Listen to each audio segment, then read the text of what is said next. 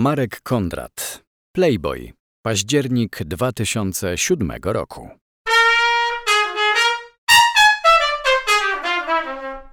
Kiedy ostatnio pił pan Jabola? Ze 20 lat temu, jak budowałem dom na Mazurach.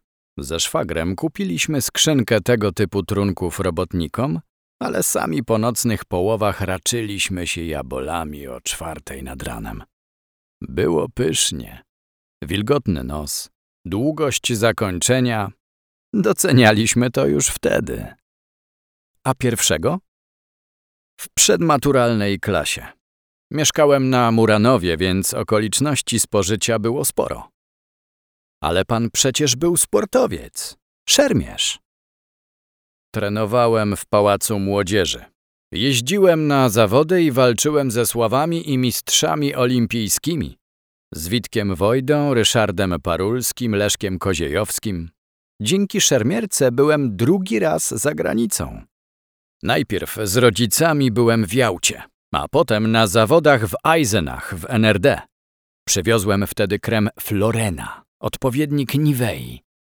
Czasami jak spotykam Parulskiego, to mu przypominam, że walczyliśmy na planszy. Ale on mnie nie pamięta. To tak jak Pazura przyszedł kiedyś do Gajosa. Wspominał, wjechałeś na czołgu na Piotrkowską, a ja wtedy, gnojek, podszedłem do ciebie i poprosiłem o autograf. A ty mi powiedziałeś, spierdalaj. Janusz słucha, słucha i mówi, było mi powiedzieć, że to ty. A jakim pan był piłkarzem? Niezłym. Na podwórku dzieliliśmy się na kraje. Najlepsza była Brazylia. Już prawie nikt z nich nie żyje. To byli bardzo charakterni goście.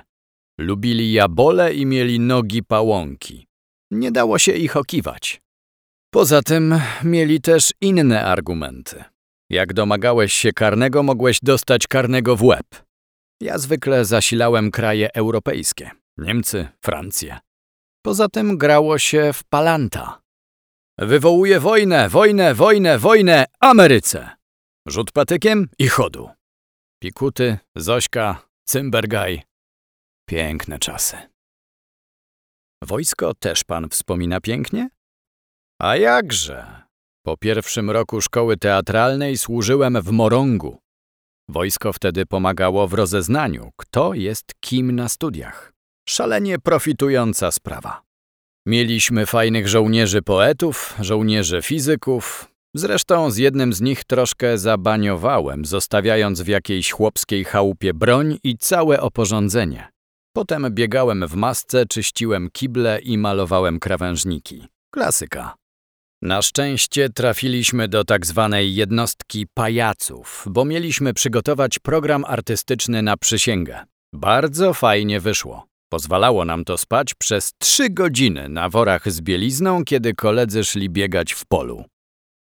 Synów pan do wojska posłał? Oni się sami nie posłali. Jeden muzyk to właściwie nie mógł. Chociaż my mieliśmy w jednostce chłopaków po szkole muzycznej.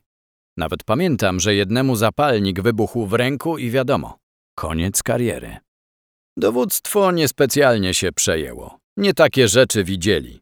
Część naszej kadry to byli jeszcze dowódcy frontowi, wycofani z czynnej służby głównie z powodu alkoholizmu i światłości umysłu. Potrafili stanąć przy tarczy, do której strzelaliśmy my, pajace, po raz pierwszy w życiu. Oparci o tarczę krzyczeli – wal! Kula obok. Siódemka! Wal jeszcze raz! Nawet im powieka nie drgnęła. Mieliśmy do takich szacunek. Natomiast druga kategoria to wykładowcy. Ludzie na poziomie żenującym, którym przyszło uczyć młodą inteligencję. Pamiętam majora Kuźmę, który kiedyś wszedł na wykład i zobaczył napisane na tablicy Major Kuźma jest chuj. Zapytał naiwnie, któren z żołnierzy to napisał? Cisza. Dobrze, pójdziemy do grafomana i się dowiemy. Albo kapitan Gudzejko, który przed rozpoczęciem wykładu zastał na swoim biurku pokrytym ceratą peta postawionego na sztorc. Któren z żołnierzy postawił tego peta, pytam. Cisza. Czyj to pet, pytam, wtórnie. Nikt się nie odzywa. Czyj to pet pod karą sankcji, pytam po raz ostatni. Wtedy wstał Jonasz Kofta i powiedział: Niczej, panie kapitanie, może pan wziąć. Proszę się nam przyznać, od czego ostatnio włos zjeżył się panu na głowie? Od niczego. Stępiałem. Natura zrobiła swoje. Pozbawiła mnie z upływem czasu pewnych zmysłów. Jestem mniej zadziorny. Odczuwam zwiotczenie mięśni, więc omijam bandziorów. Jak widzę Playmate, to muszę założyć okulary, a to trochę trwa. Na ulicy też pan zakłada okulary, żeby obejrzeć się za ładną dziewczyną? Ładne dziewczyny, w ogóle współczesne kobiety są dla mnie za wysokie. Za moich czasów było prościej, bo panował model obecnie panującej najjaśniejszej władzy. Podobno w czasach historii żółtej ciżemki i dwóch takich bracia Kaczyńscy byli wyżsi od pana. Tak. Dlatego bardzo mnie ucieszyło, że po latach zobaczyłem ich z góry. Pamiętam ich z dzieciństwa i mam teorię, że jeżeli kogoś w bardzo młodym wieku trafia uczucie, które się nazywa nienawiść, to po prostu przestaje rosnąć. To jeden z byłych wicepremierów musiał mieć dzieciństwo wręcz sielankowe. Myślę, że pan Roman był bardzo karcony, więc do ideału było raczej daleko. Bracia Kaczyńscy natomiast żywili się nienawiścią do ustroju, ich otoczenie również. To pożywka mało wzrostowa, ale skuteczna. I to jest niebezpieczne. Jednojajowe bliźniaki, które dzięki demokracji mogą zrobić prawie wszystko. Prezydent jest prezydentem swojego brata, a nie naszym. To wynika z natury. Kiedy kilkadziesiąt lat temu obserwowałem ich relacje, już wtedy było widać dominację Jarka. Prawdopodobnie wcześniej pojawił się na świecie, a w łonie pozostawał biedny, przyduszony Leszek. Dzisiaj bracia Kaczyńscy mają w Polsce władzę porównywalną do Nixona pod koniec kadencji, kiedy to jego fiksacja i temperament mogły spowodować nieodwracalne szkody na całym świecie. Na szczęście ktoś się zorientował i go powstrzymał. A może czas na pana? W końcu aktorzy bywali prezydentami i to dobrymi. Dziękuję za wyróżnienie. Skromny nie będę. Nie panowie pierwsi składają mi propozycje. Ale umówmy się, aktorzy, którzy zostawali prezydentami, byli marnymi aktorami. Pan by zaprzeczył temu stereotypowi. Bardzo panowie mili, jednak mnie nie przekonacie. Pamiętam, z jakim wynikiem skończył pewien dzisiaj już zgorzkniały satyryk. Koledzy i dziennikarze mówili mu: Znacie cała Polska, wszyscy cię lubią. Rezultat tragiczny. W społeczeństwie budzi się odruch wątpliwości w stylu: O co chodzi temu gościowi? Ale pan by świetnie przemawiał do ludzi. Wiem nawet, co bym mówił. Kiedy warszawiacy w sądzie ulicznej wybrali mnie na prezydenta Warszawy, Najsztub z Żakowskim spytali mnie, czemu nie podnoszę rękawicy. To byłaby fantastyczna próba, bo miasto jest przedmiotem prawdziwej troski, prawdziwie załatwianych spraw. Mam słabą wiedzę o Polakach. Nie wiem, kim są. Podobnie jak rządzący, którzy mało podróżują i nie znają, jak to oni mówią, narodu. Tylko ja się do swojej niewiedzy przyznaję, a oni powołują się na nic nieznaczące liczby. Władza separuje i stawia władającego poza kontrolą. Wokół pojawiają się klakierzy i cwaniaki. Ludzie niscy, karierowicze. Nie lubi pan klakierów? To strasznie kłopotliwe. Ale wiem, że aktor, który gra Hamleta, nie istnieje bez Bernarda i dwóch żołnierzy, którzy widzieli ducha ojca Hamleta i idą mu o tym zameldować. Bez nich i jeszcze paru drugich i trzecich planów nie ma roli Hamleta. Nawet w najlepszym wykonaniu. Drugie i trzecie plany budują plan pierwszy. Prosimy jednak pana o parę słów do elektoratu. Jakby pan opisał Polskę? To państwo inne od wszystkich. To kraj, z którym mam nieustanny konflikt. Tak jak z przedmiotem uczuć wyższych, obok którego nie przechodzi się obojętnie. Bólem Polaków jest to, że nie chcemy należeć do żadnej cywilizacji, ani wschodniej, ani zachodniej. Wolimy taplać się w swojej bohaterskiej przeszłości w momencie, gdy Europa funduje nam koegzystencję. Trudną, owszem, ale opartą na odrzuceniu bolesnej europejskiej przeszłości. A my mamy to gdzieś. Wolimy mówić, gdyby nie wojna, byłoby nas ponad 60 milionów. Szalenie mnie wkurza, że niedołóg, cwaniak czy cham wmawia mi, że uprawia jakąś misję używając słów naród, Polska, patriotyzm czy ojczyzna, traktując mnie jak idiotę. A do tego korzystając z dobrodziejstw demokracji. Irytuje mnie, że Polacy są szalenie skrajni. Albo są podrzędni, wstydzący się swej prowincjonalności, albo niesamowicie bufonowaci w stosunku do tak zwanych gorszych. Albanii, Rumunii, Cyganów. W kabarecie Stanisławskiego mieliśmy taką piosenkę. Dzięki ci, Albanio, że istniejesz. Dzięki ci, Albanio, dzięki ci. Dzięki tobie tak źle z nami nie jest. Dzięki tobie nie ostatnimy. Są chwile w historii tego kraju, które napawają mnie smutkiem, które sprawiają, że bardzo źle się w nim czuję. Na przykład? Zaczyna się niepotrzebnie rozdymać rocznicę powstania warszawskiego. Słyszę w radiu, że speaker jest szczęśliwy, bo obchody obejmują całą Polskę. Myślę sobie, o, zaczyna się nowy obłęd. Przestajemy wnikać w znaczenia. Byliśmy bohaterscy i to wystarczy. Nieważne w jaki sposób i jakie efekty przyniosło to bohaterstwo. Jest w tym coś zaklętego. Warszawskie dzieci pójdziemy w bój. Jakaż to hipokryzja. Oglądamy dzisiaj w telewizji murzynka w Ruandzie z karabinem na ramieniu i mówimy, to jest degrengolada świata. A nasze dzieci z butelkami, które zasuwają na barykady? To już coś innego? Z czego się cieszyć? Co to za walka, że na tygrysy mamy wisy? Gdzie są ci, którzy wysyłali w powstaniu dzieci na śmierć? Dziś mają swoje muzeum.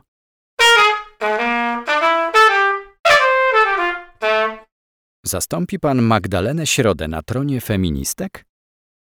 Nie, choć kiedyś to zapowiedziałem. Naprawdę jestem bardzo za kobietami. Nie mogę być jednak feministą do końca, bo nie mam wiary, że da się wiele zmienić. Natura tak nas stworzyła, a nie inaczej. Uważam kobietę za poszkodowaną w związku damsko-męskim. Ale z reguły kobiety biorą ten krzyż na swoje barki. Często biorą go z ochotą. Natomiast ewidentnie jestem za próbą cywilizowania społeczeństwa w kwestii wyrównywania szans. Świadomość, którą feministki budują w kobiecie, może jej pomóc w wyborach życiowych. W to wierzę. Także w to, że w pewnych środowiskach kobiety bez wsparcia feministek są skazane na wybory, których tak naprawdę nie chcą. Bez uczuć decydują się na związek, byleby on był. To dotyczy środowisk ubogich, wiejskich i to przy ogromnym złym wpływie Kościoła, który jest obrzydliwie hipokratyczny, który, zgadzam się z Magdaleną Środą, wpływa na stan relacji damsko-męskich. Kościół w Polsce podkreśla służebność kobiety przy mężczyźnie. No, to chyba niestety nie będzie pan prezydentem. Taka deklaracja przekreśla pańskie szanse. I bardzo dobrze. Powiem więcej. Kiedyś w Rzymie miałem okazję razem z Teatrem Starym dostać się do Watykanu. Przyjął nas papież, który był wtedy rok po zamachu. Zapamiętałem go jako postawnego mężczyznę, ze świetnie postawionym głosem, mocną, ciężką chłopską ręką. Był z krwi i kości. Natomiast to, co widziałem wokół, przyprawiło mnie o smutek. Długo czekaliśmy na dziedzińcu, aż papież skończy audiencję na placu Świętego Piotra i miałem okazję przyjrzeć się wszystkim możnym kościoła. Siedzieli z przodu, a za nimi ciżba.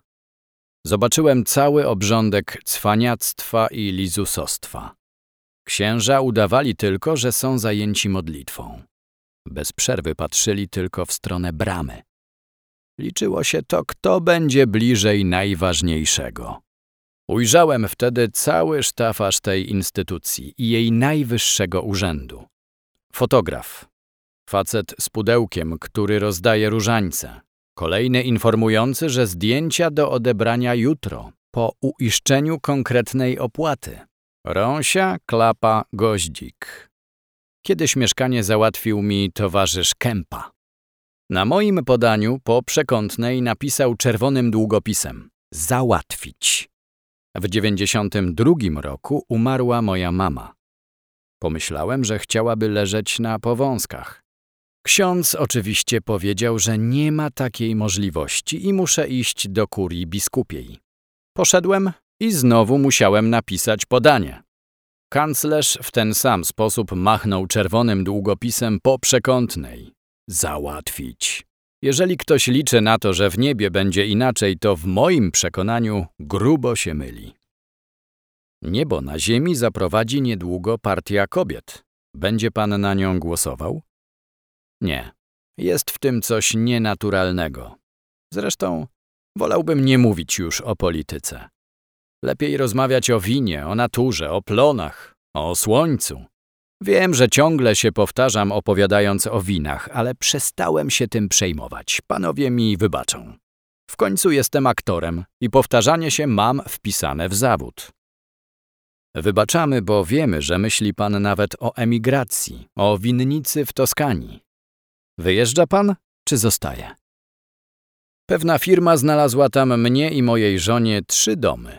Podczas oglądania jednego z nich żona spytała, a czy ty jesteś w stanie wytrzymać ze mną 24 godziny na dobę? Bo ja z tobą na pewno nie. To mnie przekonało. Poza tym uświadomiłem sobie, że dla Anglików, którzy są właścicielami wielu domów w Toskanii, pobyt tam jest bardzo swobodny. Oni nie musieli się uczyć języka, to cały świat musiał nauczyć się angielskiego. I teraz oczekują, że każdy sklepikarz w Dupowie włoskim będzie gadał po angielsku. Oczywiście po 20 latach i oni nauczyli się włoskiego. A dzisiaj wynoszą się na przykład do Prowansji i sprzedają dom we Włoszech. Czują się obywatelami świata i przeprowadzka w wieku 70 lat nie jest dla nich problemem. Ja uświadomiłem sobie, że przeniesienie życia byłoby dla nas prawdziwą rewolucją. Nie mógłbym już oglądać, co poseł Filipek z siebie wydala. Krótko mówiąc, na razie stchórzyłem. To może winnica w Polsce. Mamy na razie około 700 winiarzy. To bardzo fajni polscy kamikadze, którzy walczą z cywilizacją. Nigdy nie zrobią na tym interesu, ale ja czekam, żeby ich niektóre wina umieścić w swoim sklepie. Kiedyś na Mazurach facet częstował mnie rocznikiem 2004 i narzekał, że cierpki. Ale zaraz potem powiedział, że w 2003 wino było malina. Rok był słoneczny, idealny, grona okazałe, wspaniale dojrzałe. Ja na to, no to proszę mnie poczęstować. Niestety nie mam. Okoliczne chłopstwo zeżarło mi na krzakach. Żonie lepiej wychodzi picie wina, czy panu yoga? Mnie yoga w ogóle nie wychodzi, ja się tylko przyglądam temu, co żona robi w swoim klubie jogi. Ale nie wykluczam. Kiedyś na lotnisku w Weronie zobaczyłem faceta w moim wieku, który mnie zafascynował. Od razu domyśliłem się, że musi być joginem. W tym potwornym zamieszaniu, zgiełku, hałasie stał sobie spokojnie, oddychał przeponą i niczym się nie przejmował. Oddychał naprawdę wspaniale. Miałem dużo ćwiczeń poświęconych oddychaniu i wiem coś o tym. Poza tym wierzę, że harmonijne oddychanie ma wielki wpływ na to, jak żyjemy. Dlatego yoga jeszcze przede mną. A żona oczywiście pije wino, ale śmieszę ją, kiedy wkładam nos do kieliszka.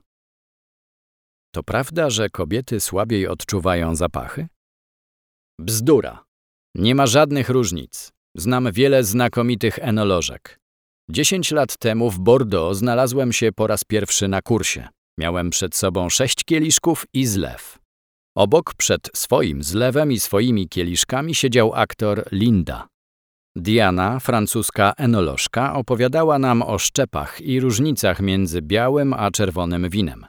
Kiedy powiedziała, że na naszym etapie wiedzy z zamkniętymi oczami nie będziemy w stanie odróżnić wina białego od czerwonego, to się żachnęliśmy. Oczywiście miała rację. Potem już łapałem każdą okazję, żeby dowiedzieć się o winie coraz więcej. Teraz są dni, kiedy zawodowo muszę wypróbować około 70 win. Oczywiście żadnego z nich nie mogę wypić. Czy pański obecny biznes i hobby to przypadkiem nie wpływ dziadka, który miał karczmę? Być może we krwi przenoszą się takie wzorce. Może jestem zaprogramowany genetycznie. Kto wie? Gdzie była ta karczma? W Przemyślu. Mój ojciec był jedenastym dzieckiem w karczmarskiej rodzinie. Znałem jego siostrę i dwóch braci. A ojciec pod koniec życia miał trudności z przypomnieniem sobie wszystkich imion rodzeństwa. Wiem, że wujek Ludwik zginął gdzieś pod Płońskiem w armii Halera. Jeden był dyrektorem kopalni, porządnym człowiekiem.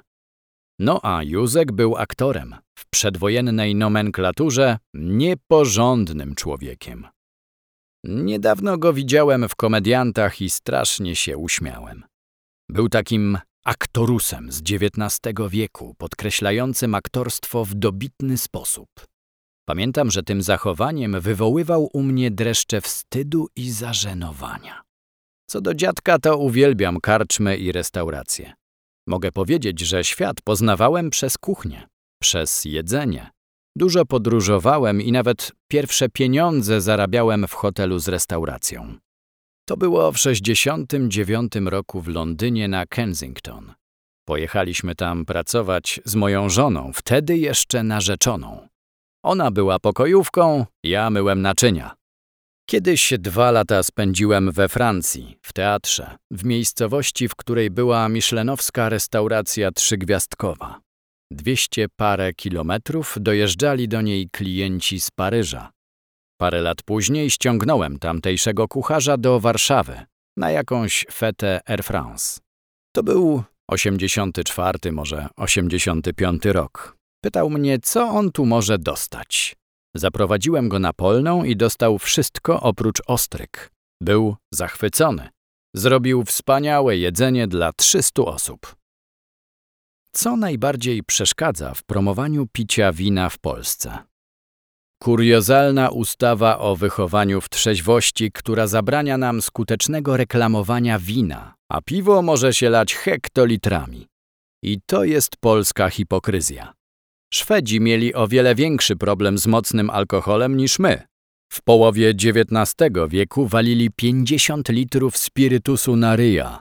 To naprawdę był wynik. Zresztą czemu się dziwić? Co oskarżony robił w nocy z 20 września na 30 marca? Pyta sąd. A niewiele się działo. Właśnie, jak tu nie pić, kiedy za oknem wieczny mrok?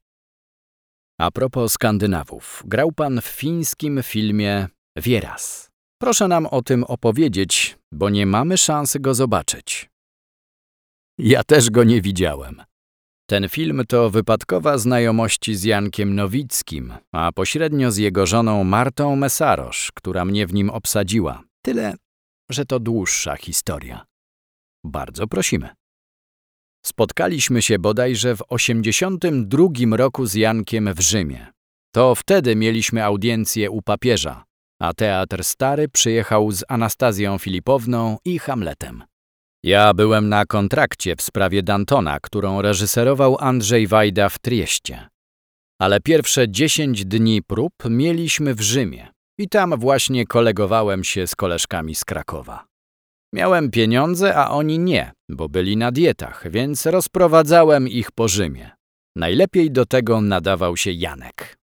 Był u szczytu sławy i opowiadał, która z kolei kobieta targnęła się z jego powodu na życie.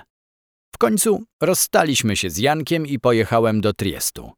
Jak zobaczyłem ten ogromny operowy teatr na trzy tysiące widzów i pomyślałem, że mam w nim spędzić pół roku, to mimo stanu wojennego w Polsce postanowiłem wracać. Poszedłem do dyrektora, Sergio Dorno, starego Żyda, i powiedziałem: Sergio, scusi, ale ja wyparowuję. Ten wyzwał mnie od ostatnich kretynów, kacco, stronco i tak dalej. Po czym wyjął dużą butelkę Ballantinesa i kiedy byliśmy w jej połowie, obaj płakaliśmy nad losem narodu polskiego i żydowskiego, który przecież jest taki sam. Spłukany do ostatniego grosza, wróciłem pociągiem do Rzymu, oczywiście na koszt Sergio. Czy to jedna z najważniejszych decyzji w życiu? Z pewnością. I nie było mi z nią łatwo. Na lotnisku w Rzymie spotykam jednak Janka.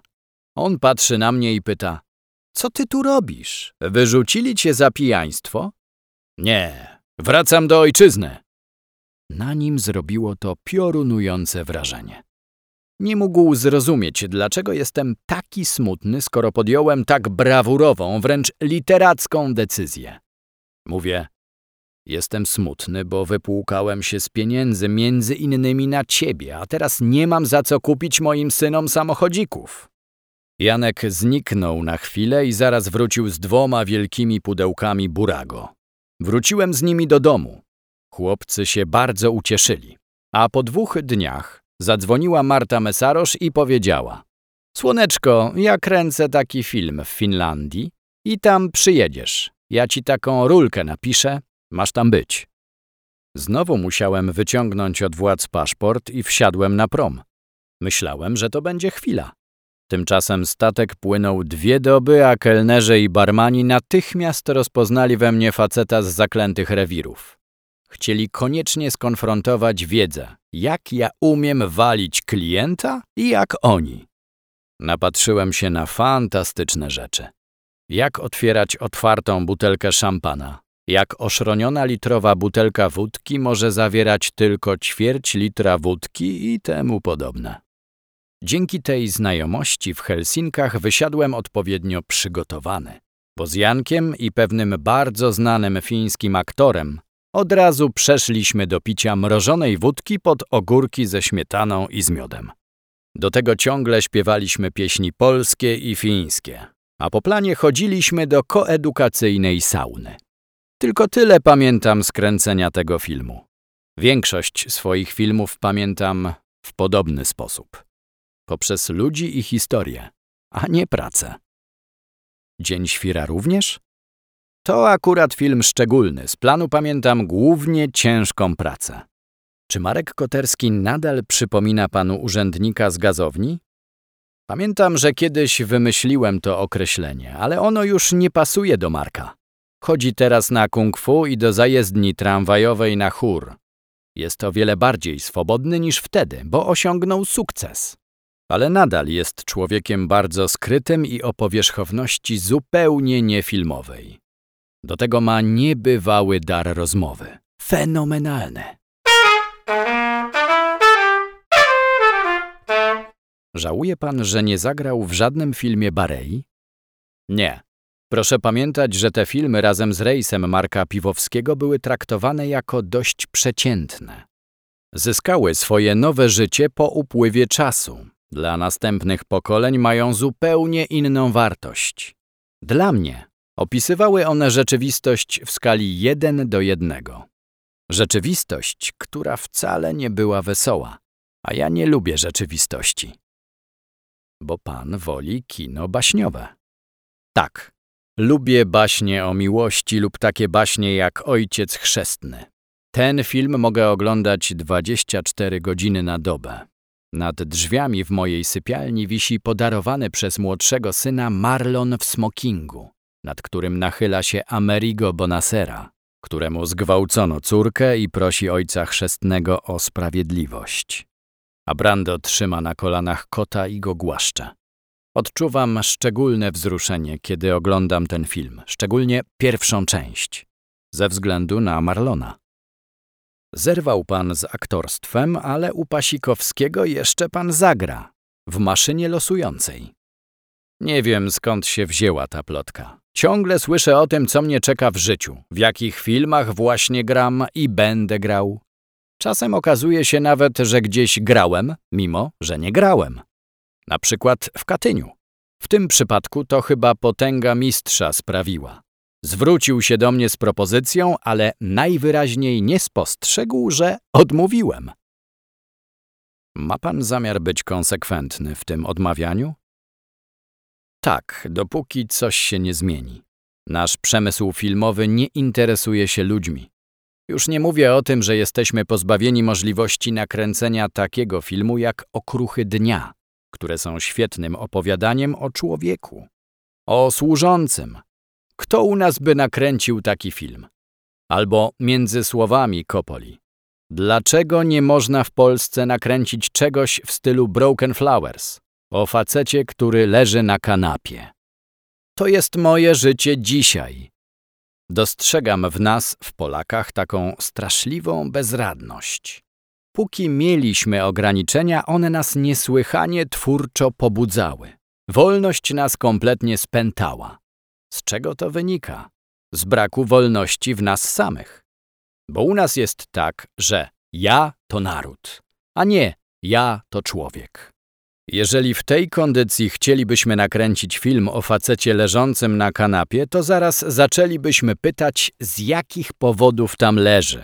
Może został potrącony przez samochód. A jeżeli tak, to z pewnością w drodze na spotkanie partyjne, najlepiej podziemne. Brak nam dystansu do samych siebie. Ale mamy dystans do spraw duchowych. Oto przykład.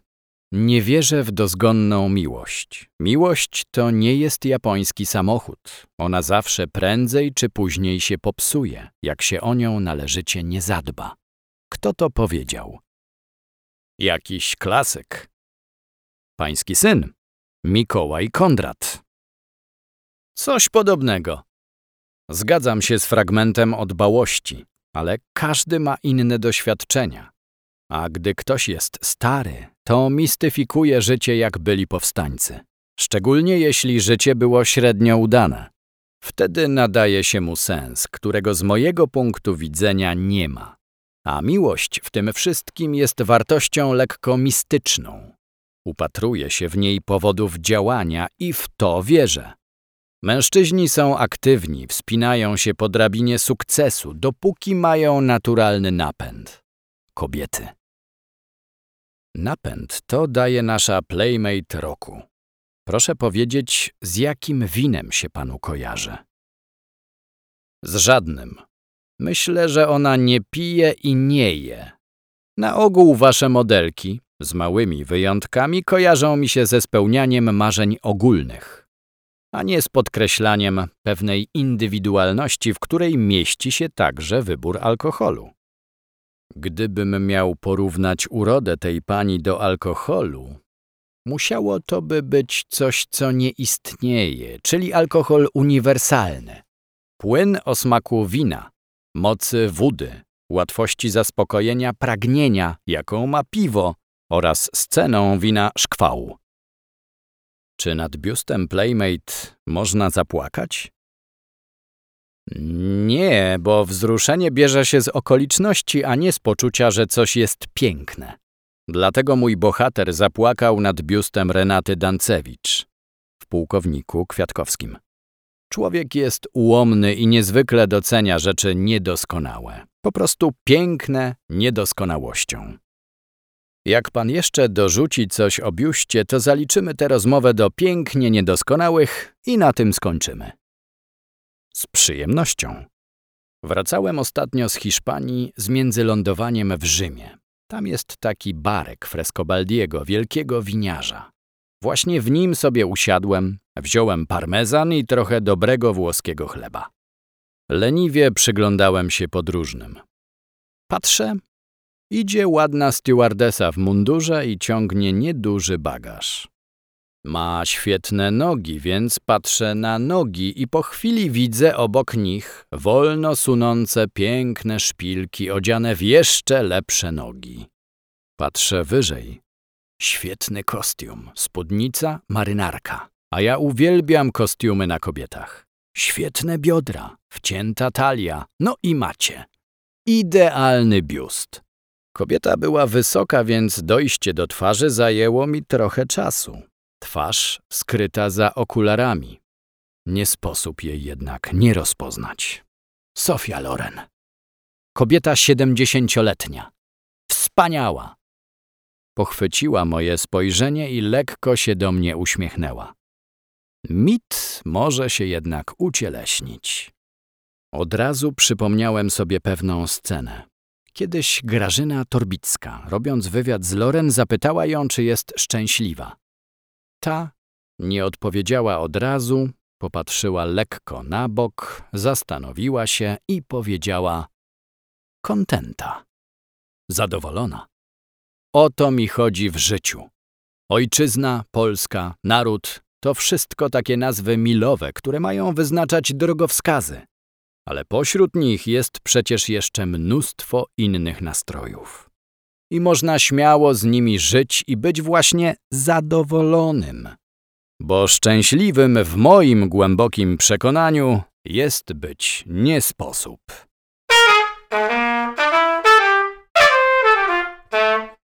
Na skróty. O sobie. Niedługo pojadę na winne wyprawy do Kopoli i Depardieu.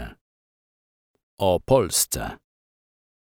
Polska to niekończący się remont. Każdy fachowiec, który coś naprawia, najpierw zadaje pytanie: A kto panu to wcześniej robił? Jak lecę samolotem nad naszym krajem, to wygląda to tak, jakby ktoś gówno w wentylator wrzucił. Tu chałupa, tam chałupa. W Polsce zawsze trzeba wybierać i musieć. Znużyło mnie to i poszedłem na swoje. O środowisku, nie tylko naturalnym. Martwią mnie bardziej zwierzęta niż ludzie. Wiem, dlaczego w sporze wokół rozpudy żaba jest ważniejsza niż człowiek. Podobnie jak dzięcioł, glista i robak. Z nimi lepiej mi się obcuje. Miłosne ściskanie się aktorów w trakcie wręczania nagród na festiwalach filmowych jest pewnego rodzaju przeprosinami za to, że nagrody nie otrzymała ściskana osoba.